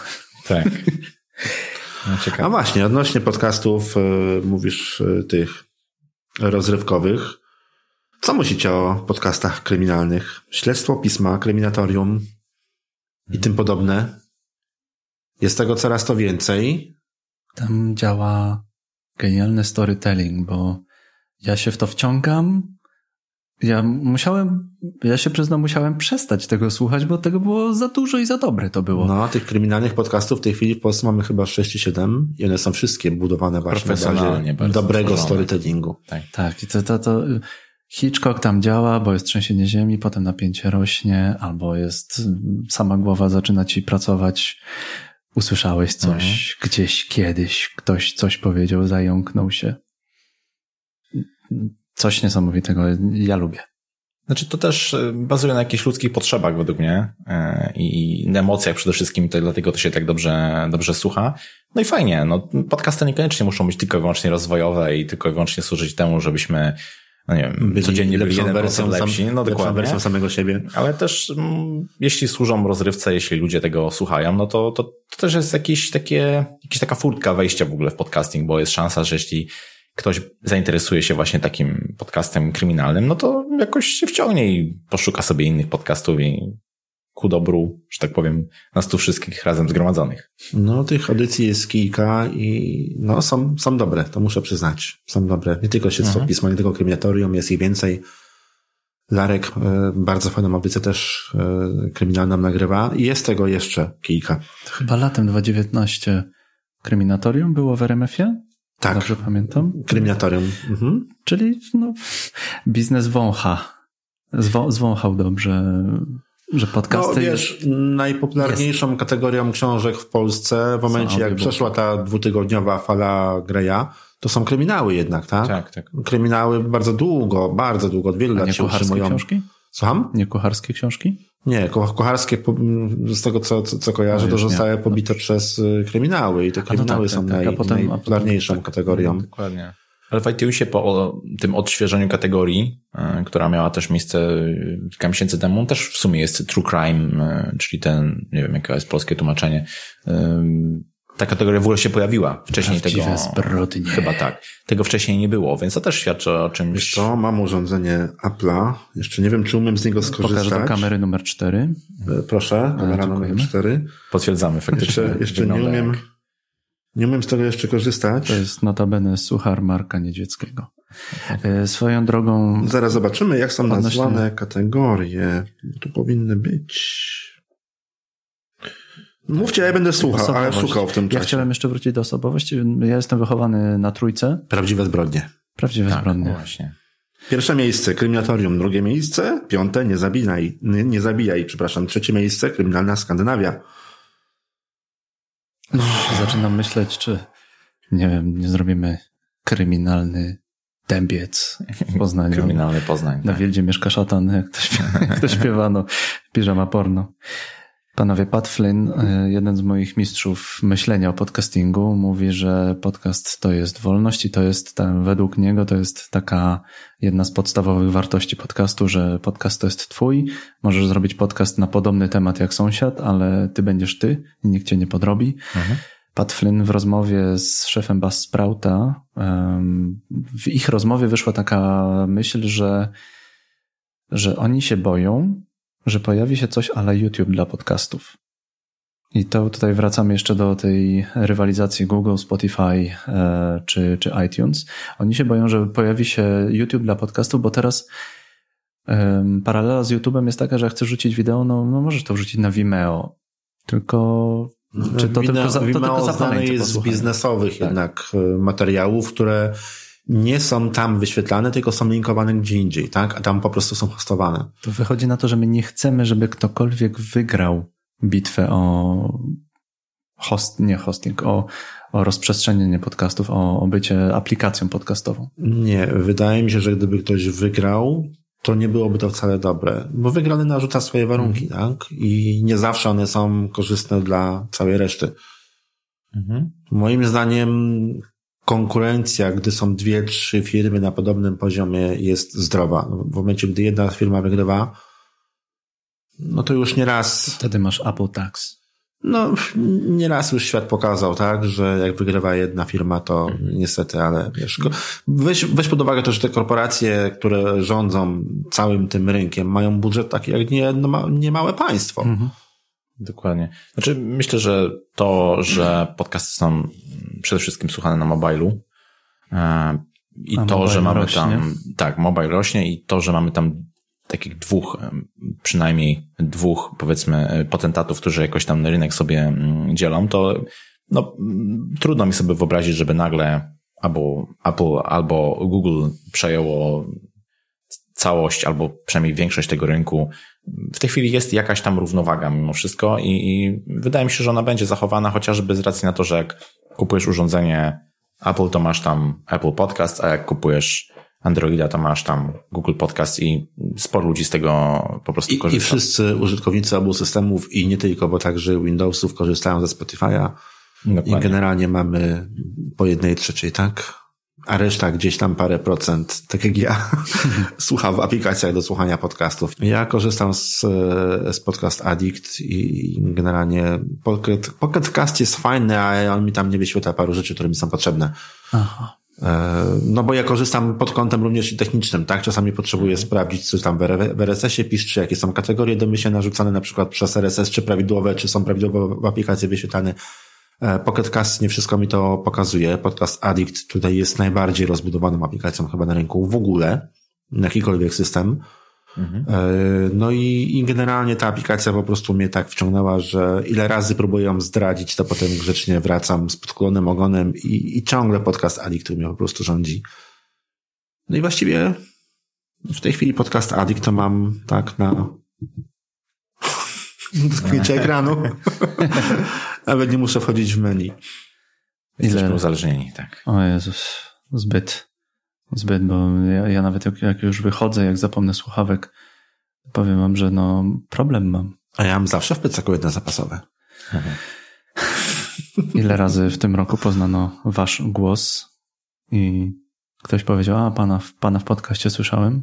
Mieliście takie przypadki? Kilka razy się spotkałem z czymś takim, tak, że osoby mówiły mi, że już gdzieś mój głos słyszały i, mm. i potem wyszło, że, że w którejś z audycji. Mm, tak, zdarza się, natomiast najfajniejsze z tego wszystkiego jest to, że jak są jakieś spotkania podcasterów, to jest odezwij się, będę wiedział, kim jesteś, tak? No tak, to jest ciekawe. Zwłaszcza, że często wyobrażamy sobie, jak dana osoba, dany podcaster wygląda, ale potem konfrontujemy to, to z taką osobą jest, jest rozczarowanie najczęściej. Tak, tak, tak, jestem, ja jestem kawałem chłopa i podobno mój głos nie brzmi tak, jak wyglądam i kiedyś pani w żabce się zdziwiła. Ja pana gdzieś słyszałem, ale ale pan to bardziej. Pan wygląda inaczej pan, niż pan, powinien, tak? Pan wygląda inaczej, tak, niż, niż pana sobie wyobrażałem. Słuchajcie, co myślicie o aplikacjach dedykowanych do słuchania konkretnego podcastu albo konkretnego rodzaju podcastów? mam bardzo mieszane uczucia. Chciałem waszej opinii usłyszeć.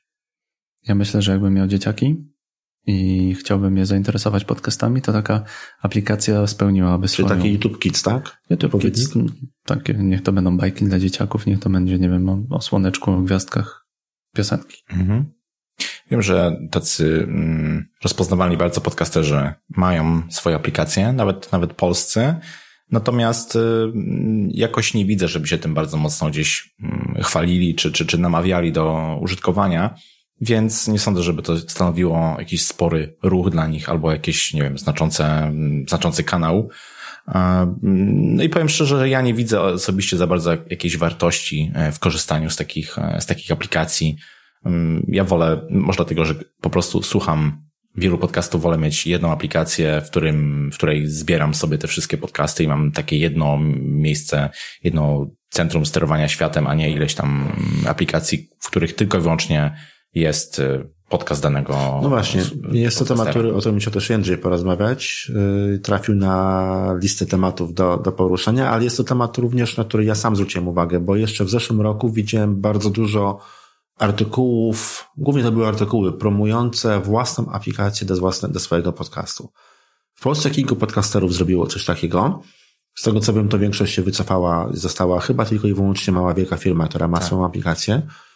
Nie wiem, czy też jeszcze poza Markiem Jankowskim w tej chwili ma swój własny program. Natomiast w ogóle zniknęły, czy no zniknęły, no te, które już były napisane, to one cały czas są, ale nie pojawiły się w ogóle nowe jakieś treści promujące własne aplikacje do podcastów. W ogóle. Nie zauważyłem nic, nie trafiłem na nic, być może po prostu nie trafiłem. Natomiast nie trafiłem na nic, a jeszcze rok, półtora roku temu było tego całkiem dużo. Czy to oznacza, że znaczy ja wiem skąd to wynika. Domyślam się skąd to wynika. No to wynika z popularności takich rzeczy, chociażby takich narzędzi jak Google Podcast czy Spotify, mm, tak? Tak, dokładnie. Które agregują wszystko i mają wszystko. Natomiast czy to oznacza, że aplikacje podcastów, takie dedykowane do jednej audycji czy do jednej kategorii, zaczną umierać i przestaną być w ogóle potrzebne? Być może jeśli rozwiną się płatne treści podcastowe, to wtedy będą takie aplikacje. No tak, no takie treści są, tak? No są podcasty, które są publikowane na jakiejś jednej konkretnej platformie i ta konkretna platforma ma swoją aplikację, tak? Ale to jest niewygodne. Ja, ja już czuję, że mi się to nie podoba, tak naprawdę sama jedna aplikacja. No bo jak już jestem w tej aplikacji, no jestem z natury leniwy i użytkownik też y, ceni sobie wygodę. Sam już przeciętny użytkownik ceni sobie wygodę, a kiedy tworzy się aplikację, to ma być ona wygodna dla użytkownika. Jeżeli użytkownik słucha Twojego podcastu, potem sobie pomyśli, a zobaczy co u Krzyśka, to wyłączenie jednej aplikacji, drugiej aplikacji okazuje się, że dla wielu osób jest y, może nie tyle co nie do przejścia, co no, wyłącza aplikację i tyle, nie wchodzi do następnej. No, to też wynika trochę z tego, że my nie słuchamy często, przynajmniej z moich doświadczeń to wynika, z moich jakichś obserwacji, że nie słuchamy autorów, tylko słuchamy tematów. Tak. Dzisiaj posłucham mhm. o tym, jak rozwinąć swój blog. Jutro posłucham o tym, co się dzieje w kosmosie, tak? A pojutrze posłucham o tym, co słychać nowego w motoryzacji. I w tym momencie wybieram sobie, robię sobie playlisty z kilku różnych odcinków, różnych audycji i po prostu słucham y, jakiegoś określonego tematu, zagadnienia. Natomiast y, ja się właśnie zastanawiam w tym momencie, czy jest jeszcze w ogóle jakikolwiek sens, żeby istniały dedykowane aplikacje do hmm. podcastów. Znaczy to jest, to jest... Bo ja przedtem miałem mieszane uczucia co do takich aplikacji właśnie z tych powodów, o których przed chwilą również wy powiedzieliście. Natomiast w tej chwili, jak już tak mocno zostały y, zagregowane podcasty przez kilka różnych bardzo popularnych systemów właśnie typu Spotify, czy dedykowane aplikacje w ogóle mają jakikolwiek sens? Czy jest sens w ogóle coś takiego tworzyć? Mhm. Czy według mnie taka aplikacja jest problematyczna też, jeśli chodzi o jej utrzymanie? E, no bo systemy operacyjne się zmieniają, tylko aplikacje po prostu trzeba utrzymywać, więc, więc to jest Generuje koszt. Tak. to jest jakiś koszt. A po drugie, no Myślę, że odeszły już takie czasy, kiedy instalowaliśmy tych aplikacji 15 ekranów e, i te aplikacje były od tylko jednej banalnej rzeczy. Coraz bardziej wkraczają takie trendy mimo wszystko minimalistyczne. Chcemy ograniczać ilość tych aplikacji, z których e, korzystamy i no, ja nie widzę osobiście zbyt dużej wartości w takiej aplikacji. No wiesz, ale są aplikacje, które służą tylko i wyłącznie do wykupienia ubezpieczenia OC raz w roku. Mhm. są takie, są, bo widziałem. Są, są, ale mimo wszystko wydaje mi się, że użytkownicy też są coraz bardziej świadomi i, i rezygnują z takich, e, z takich aplikacji, więc e, jesteśmy bardziej świadomi tego, że żeby nie dawać dostępu do jakichś, no nie wiem, danych, które się znajdują na naszym telefonie, na dostępów do, do, do, do, do kamery czy do, do GPS-a i tak dalej. Jeszcze nie. No może jeszcze powoli, nie. może powoli, więc, więc yy, jesteśmy to trochę według mnie podejrzliwi, jeśli chodzi o instalację. No tak, czy czwarte moich znajomych nie ma blokady na telefonie. Poza taką standardową przesuwaną, jaką ja mam tylko i wyłącznie w domu, że po prostu przesunę i odblokowany, nie? Mhm, mhm. Zdecydowana większość moich znajomych nie korzysta z blokady, bo jest im trudniej wpisać PIN niż machnąć palcem. To ja podziękuję bezpiecznikowi. Podziękuję tej jednej, jedynej perkasterce, która nie jest z Poznania, Agacie Chmielewskiej i ona miała w swoim podcaście w firmie online chłopaków z Bezpiecznika, którzy też mają swój podcast.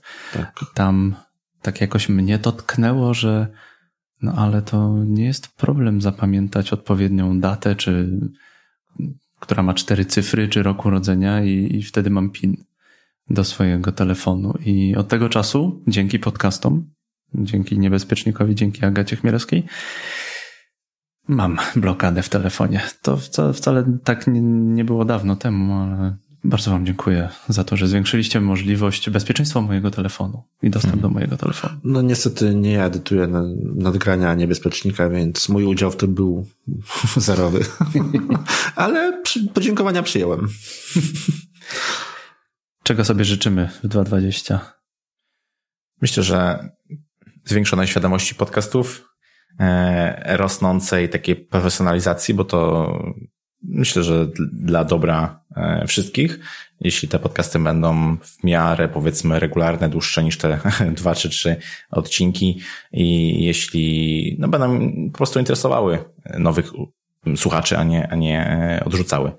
Więc jeśli już tak tutaj podsumowujemy naszą rozmowę, to jeśli ja myślę o 2020 w, w kontekście podcastów, to myślę, że będzie to profesjonalizacja e, pod różnymi tutaj względami, e, rosnące zainteresowanie. No i myślę, że tyle. Nie, nie widzę jakichś innych dużych trendów, które by miały ten podcasting nam zwiększyć. Raczej ilościowo będziemy się rozwijać. Z mojej strony ja się nastawiam bardzo mocno na rozwój podcastingu firm, czyli podcasty prowadzone przez różnego rodzaju instytucje. I to niekoniecznie od razu musi być Onet Gazeta czy, czy RMF, bo jest wiele różnych innych firm, nie mediowych, które również prowadzą, zaczynają, przymierzają się prowadzić swój własny podcast, chociażby właśnie wspomniany przeze mnie jakiś czas temu Lasy Państwowe. Y, ja się nastawiam bardzo mocno na rozwój tej części branży, natomiast mam bardzo dużą nadzieję, to co mówił Krzysiek, na profesjonalizację całej reszty, czyli tych bardziej amatorskich, bardziej prywatnych audycji, które do tej pory czasami są traktowane Oczywiście ja mam w ogóle z tym problem, ale nie wiem, czy to jest mój problem, czy to jest problem branży, bo wydaje mi się, że wiele osób traktuje nagrania na takiej zasadzie, a, już wiem jak włączyć mikrofon, to już nic nie będę zmieniać. Dave Jackson, School of Podcasting, stwierdził kiedyś, że trafiają do niego podcasterzy, którzy, których jedynym kryterium przepytania kogoś jest puls. Metoda jak, ci, jak ci serce bije, to to znaczy, że możemy zrobić podcast. No właśnie. No. Ja no on też ma do czynienia z różnymi podcasterami. E, także, no, czego, czego ja bym sobie życzył? Znaczy, no mówię, no ja się nastawiam bardzo mocno na podcasting biznesowy, a życzyłbym sobie, żeby ten niebiznesowy się, to już powoli się zaczyna, żeby się trochę bardziej profesjonalizował. No i przede wszystkim, żeby rosła świadomość, czym podcast jest, a czym podcast nie jest. Czego ja sobie życzę? żeby rosły podcasty, żeby te podcasty były słuchane, były kochane tak jak my kochamy. Też sobie życzę profesjonalizacji, bo mi się profesjonalizacja dźwięku niezwykle podoba i zauważyłem, że jak podcast źle brzmi, to go mniej słucham albo wyłączam. No myślałem, że tylko ja tak mam. Nie, nie, nie, nie, nie. To, to jest, zaczyna wchodzić we mnie audiofilia. E, ja lubię rozmawiać o podcastach, ja lubię ludziom też pomagać. Wszyscy mamy takie, takie pytanie, jak zrobić podcast. I mi się podoba. Dobrze się nas to naindeksuje na szczęście. Tak, tak, tak, tak. Mi się podoba. Okazuje się, że po jakimś czasie podcastowania zaczynam mieć coraz więcej tej wiedzy, a i dla mnie jest to tak oczywiste, że, że aż mi czasami trudno to przekazać i bardzo mi się podoba dzielenie się wiedzą, a tak naprawdę życzę sobie, żebyśmy w 2021 znowu się spotkali i stwierdzili, co to będzie, co to będzie. I ciekawe, czy się spełniło to, co mamy. To, o czym mówiliśmy. Bardzo Wam dziękujemy. To byli pyrkasterzy. Krystian Zych, ekspert podcastingu, który Wam powie, jak zrobić podcast. Krzysztof Kępiński, który porozmawia o IT. Jędrzej Paulus, developer wannabe. Daj Boże, by bardziej developer niż wannabe. Wszystkiego dobrego, do usłyszenia. Do usłyszenia. Cześć. A jakie są Wasze przemyślenia? Jak Wam się wydaje, co nas czeka w podcastingu w tym roku?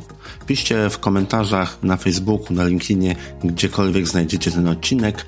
Piszcie, jesteśmy naprawdę bardzo ciekawi Waszych opinii. Jesteśmy ciekawi, na ile podobne, a na ile różne mamy opinie na temat tego, co dzieje się na rynku, w którym funkcjonujemy. Tak więc zapraszam do komentowania, zapraszam do dzielenia się swoimi opiniami. Przypomnę jeszcze, że byli ze mną Krzysztof Kępiński z podcastu Porozmawiamy o IT oraz Jędrzej Paulus z podcastu Developer Wannabe. A moje odcinki może znaleźć na jakzrobićpodcast.pl. Do usłyszenia.